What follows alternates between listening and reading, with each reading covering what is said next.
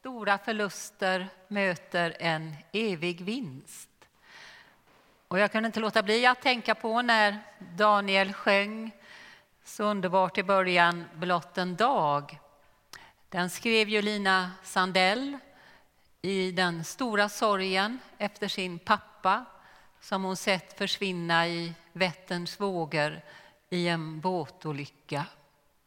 Och hur många människor som har fått hjälp att leva och dö med den salmen, det kan man inte räkna. Och så tänkte jag när vi sjöng Saliga visshet, skriven av Fanny Crosby. Hon blev blind vid två års ålder på grund av en läkares misstag. Under sitt liv skrev hon 800 sånger, många klassiker. Så Gud tycks ha en egen matematik när det gäller det där med stora förluster som på något märkligt sätt kan vändas i vinst för många. Det kan vi ha med oss också denna dag. Och då läser jag den korta evangelietexten för dagen som är ur Lukas evangeliets 20 kapitel och vers 37. Och Jesus säger att de döda uppstår har också Mose visat istället om törnbusken där han kallar Herren för Abrahams Gud och Isaks Gud och Jakobs Gud. Gud är inte en Gud för döda utan för levande, ty för honom är alla levande. Amen. När Johannes, Jesu lärjunge, är förvisad till ön Patmos för sitt vittnesbörds skull, då ser han ju på Herrens dag en mäktig vision om det som ska komma. Och det börjar med att han möter den förhärligade Jesus. Och det är alldeles för mycket för att ta in. Så Johannes faller platt till marken. Och det är då han enligt Uppenbarelseboken 1 känner en hand på sin axel och hör orden Var inte rädd. Jag var död, men se jag lever och jag har nycklarna till döden och dödsriket. Den sista delen av de orden är ju liksom självklart att de är tröstande. Jag lever, jag har nycklarna till dödsriket. Men även i den första delen finns en tröst. Jag var död. Nämligen att Jesus också vill och kan hjälpa oss att dö. Vi kan ta rygg på honom också där.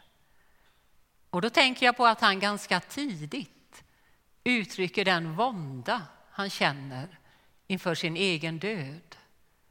Och faktiskt säger att han önskar att det redan var över. Och jag tänker på att han försöker vara så lite ensam som möjligt i detta svåra. Han tar med lärjungar, de närmaste, så långt in det går i dödens väntrum. Men så blir han ändå förfärligt ensam till slut när han ropar på korset Min Gud, varför har du övergivit mig?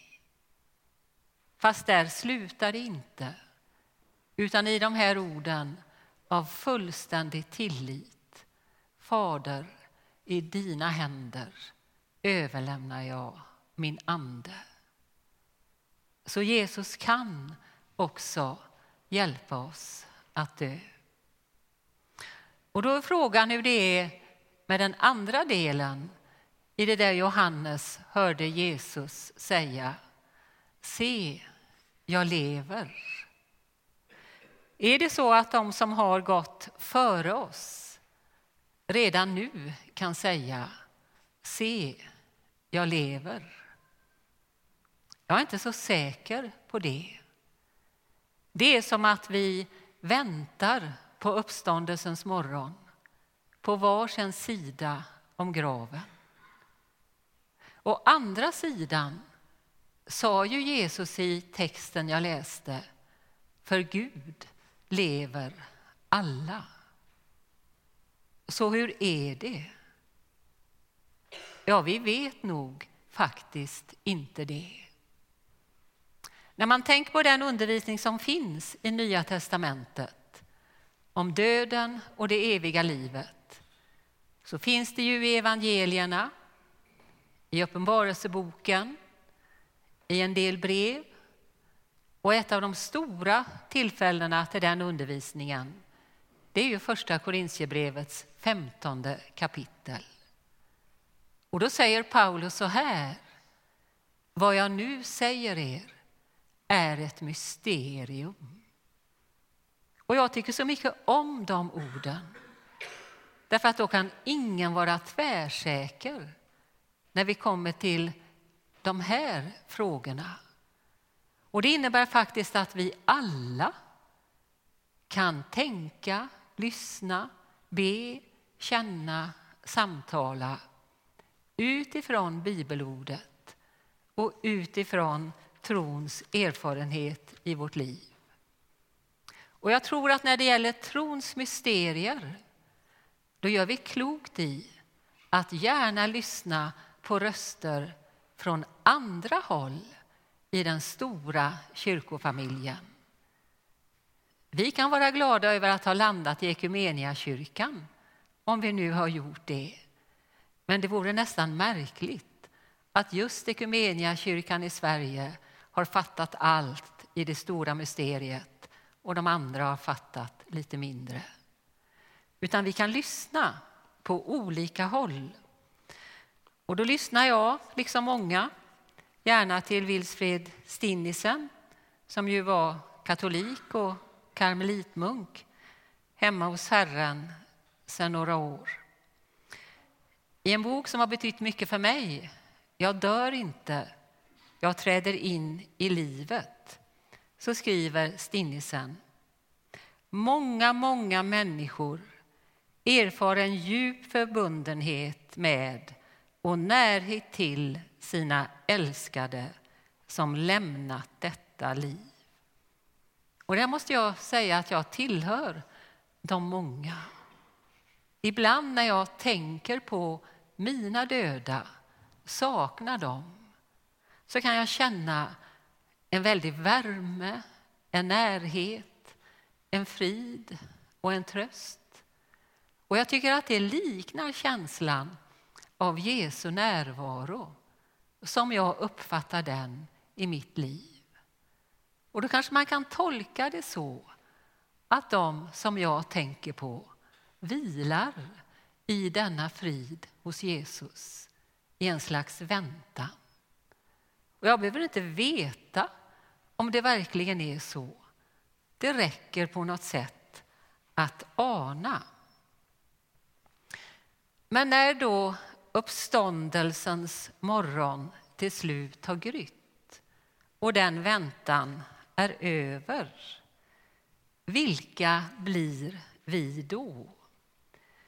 Om jag läser något i Första Korinthierbrevet 15 så talar Paulus om döden som en sådd. Och det står så här. Det du sår får inte liv om det inte dör.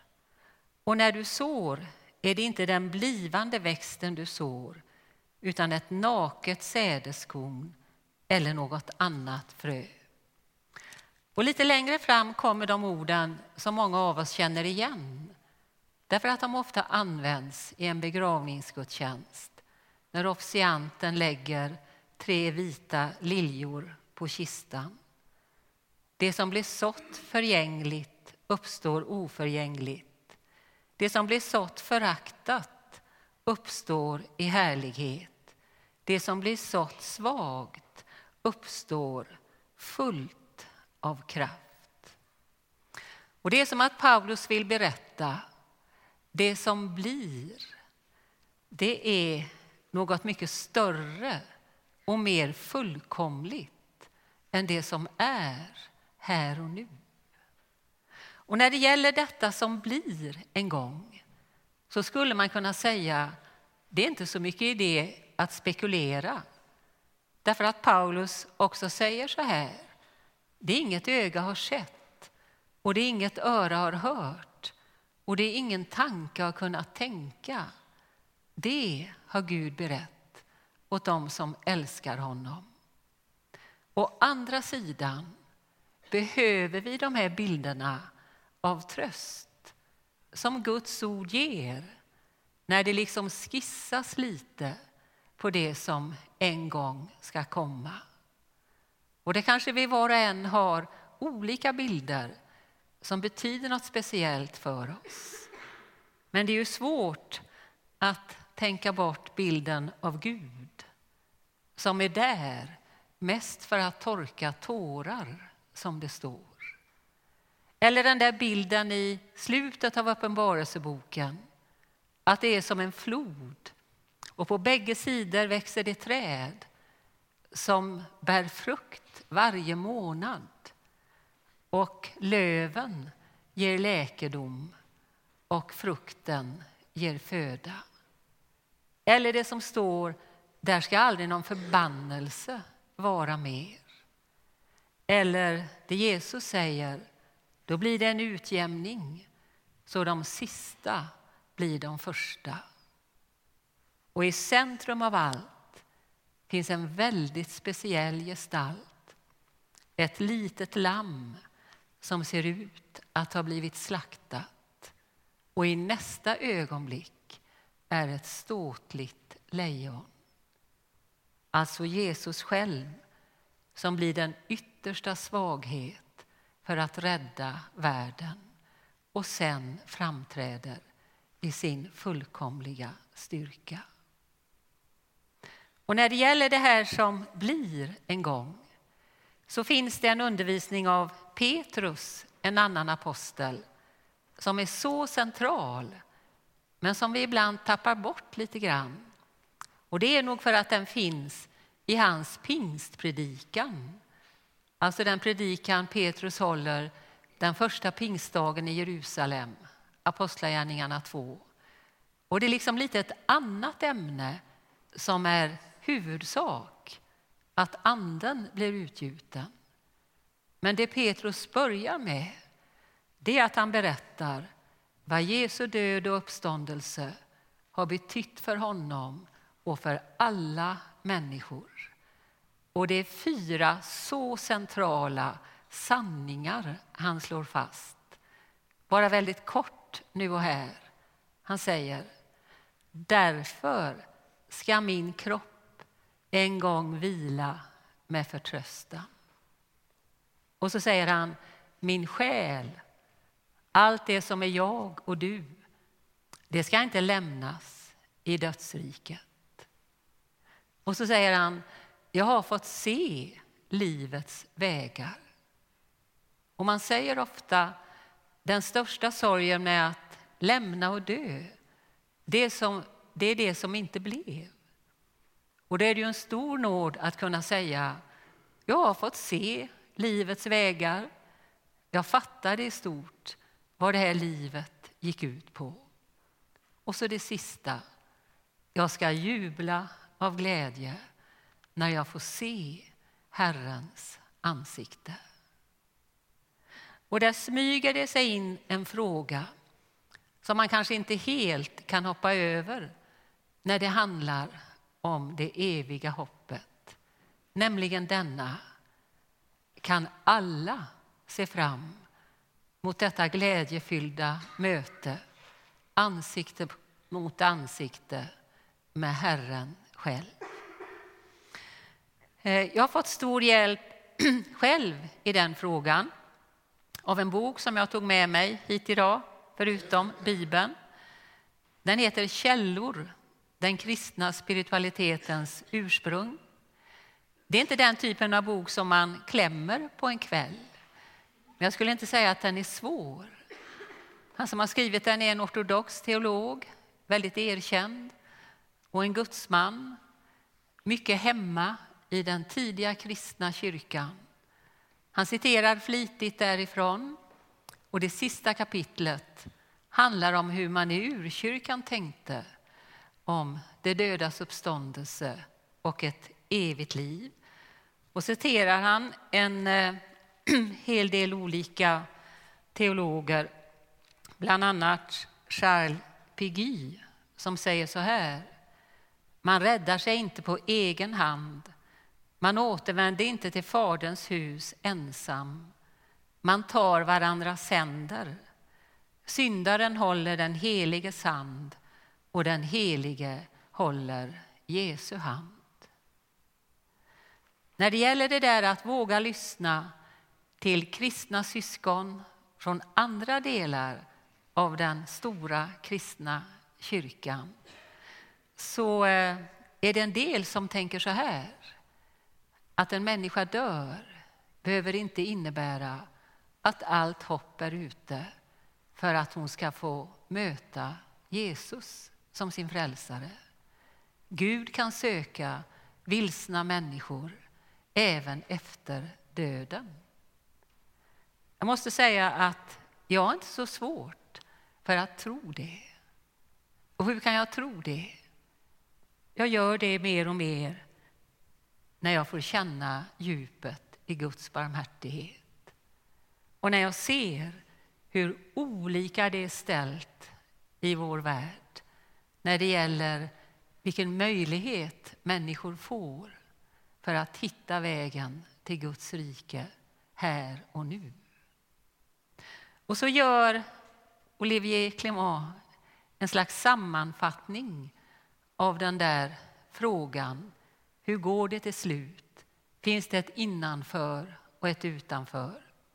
Tre korta teser som åtminstone jag väldigt väl kan vila i här och nu.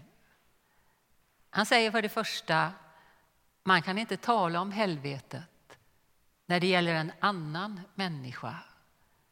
Jag kan bara tala om min synd, mina tillkortakommanden. När det gäller de andra så vet vi alltid för lite.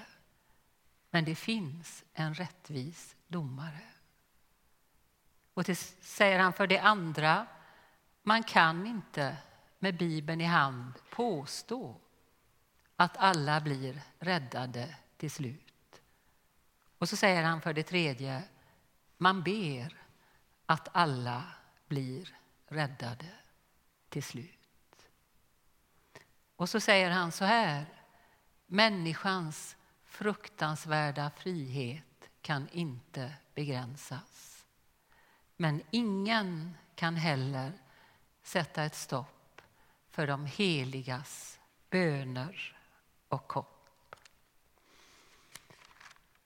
Kanske en av oss en och annan av oss tänker det vore skönt om också jag kunde säga jag var död, men se jag lever.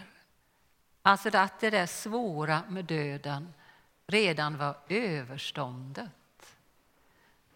Och då finns det en dörr som på något märkligt sätt öppnar sig på glänt. I Johannes första brev och kapitel 3 där står det så här.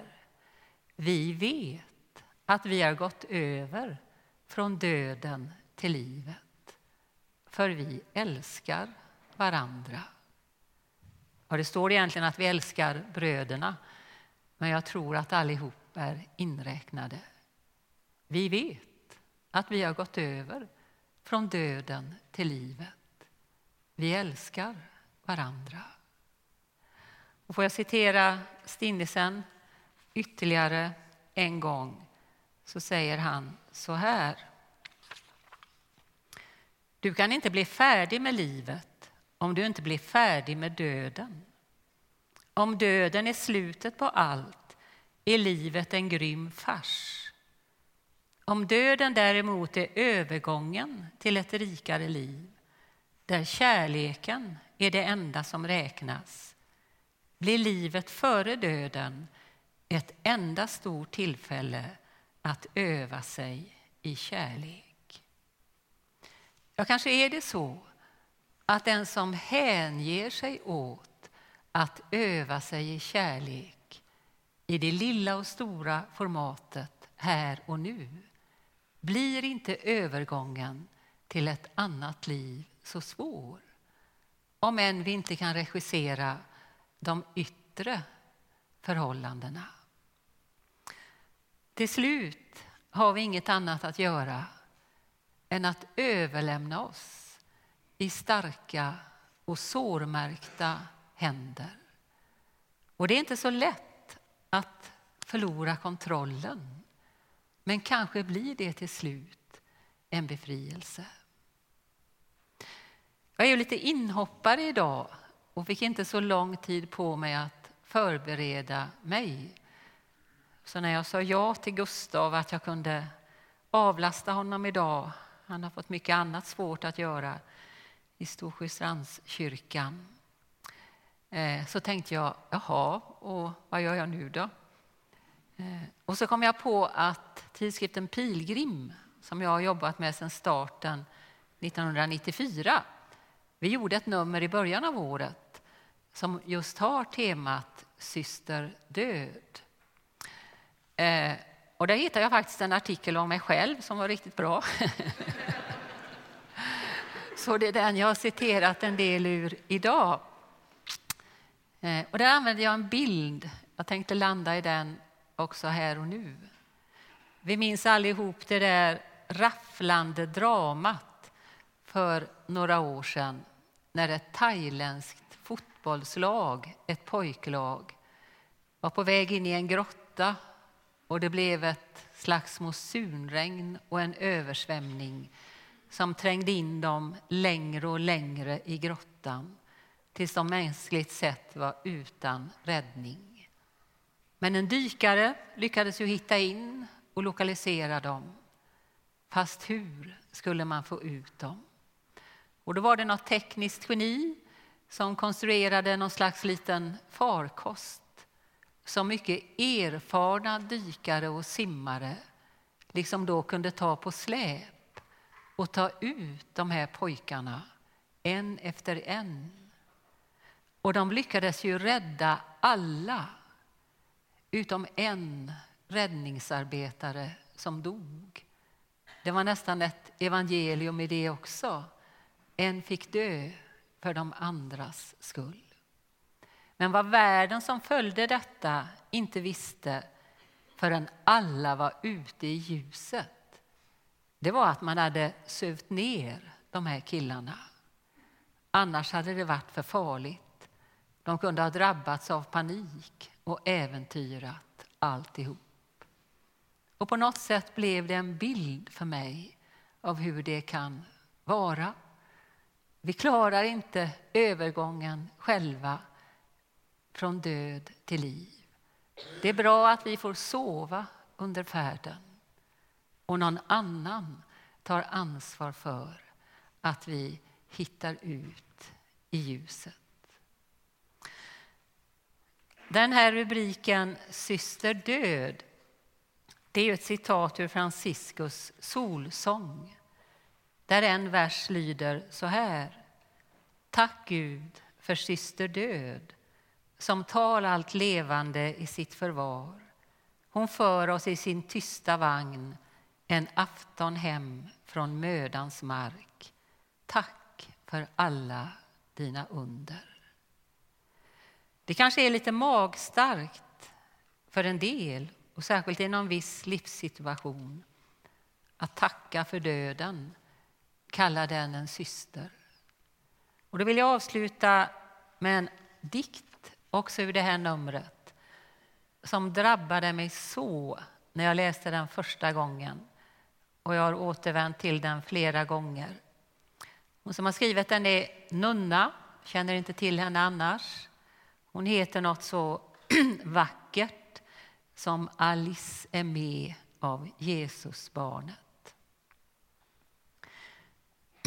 Vad som ska hända på andra sidan när allt för mig sänkts ner i evigheten vet jag inte.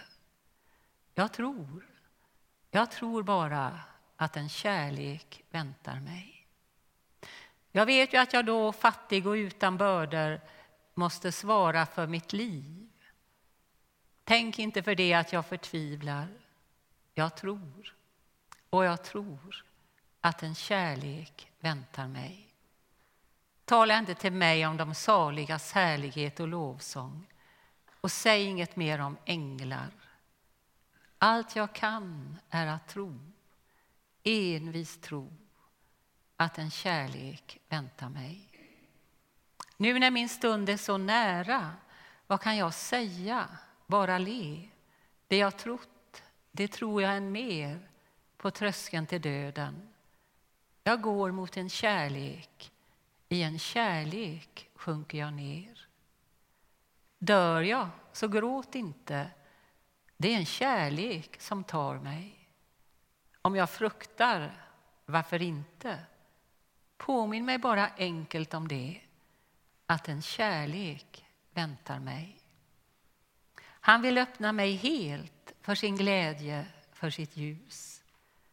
Ja, Fader, jag kommer till dig i vinden som man inte vet varifrån den kommer eller vart den far. Mot din kärlek, din kärlek som väntar mig. Jag har rätt så lätt för att lära mig utan till. Men när jag skulle citera den här dikten i ett annat sammanhang för ett tag sedan och kollade hur det egentligen stod, då märkte jag att jag hade börjat citera den fel. Jag hade börjat säga jag vet, jag vet att en kärlek väntar mig. Fast det stod ju egentligen jag tror. På något sätt blev jag lite glad för det. Det var som att någon annan hade viskat i mig att inte bara tro, utan att veta. Och man måste inte veta. Det räcker långt med att tro. Men jag tror vi kan få en visshet att en kärlek väntar oss. Amen.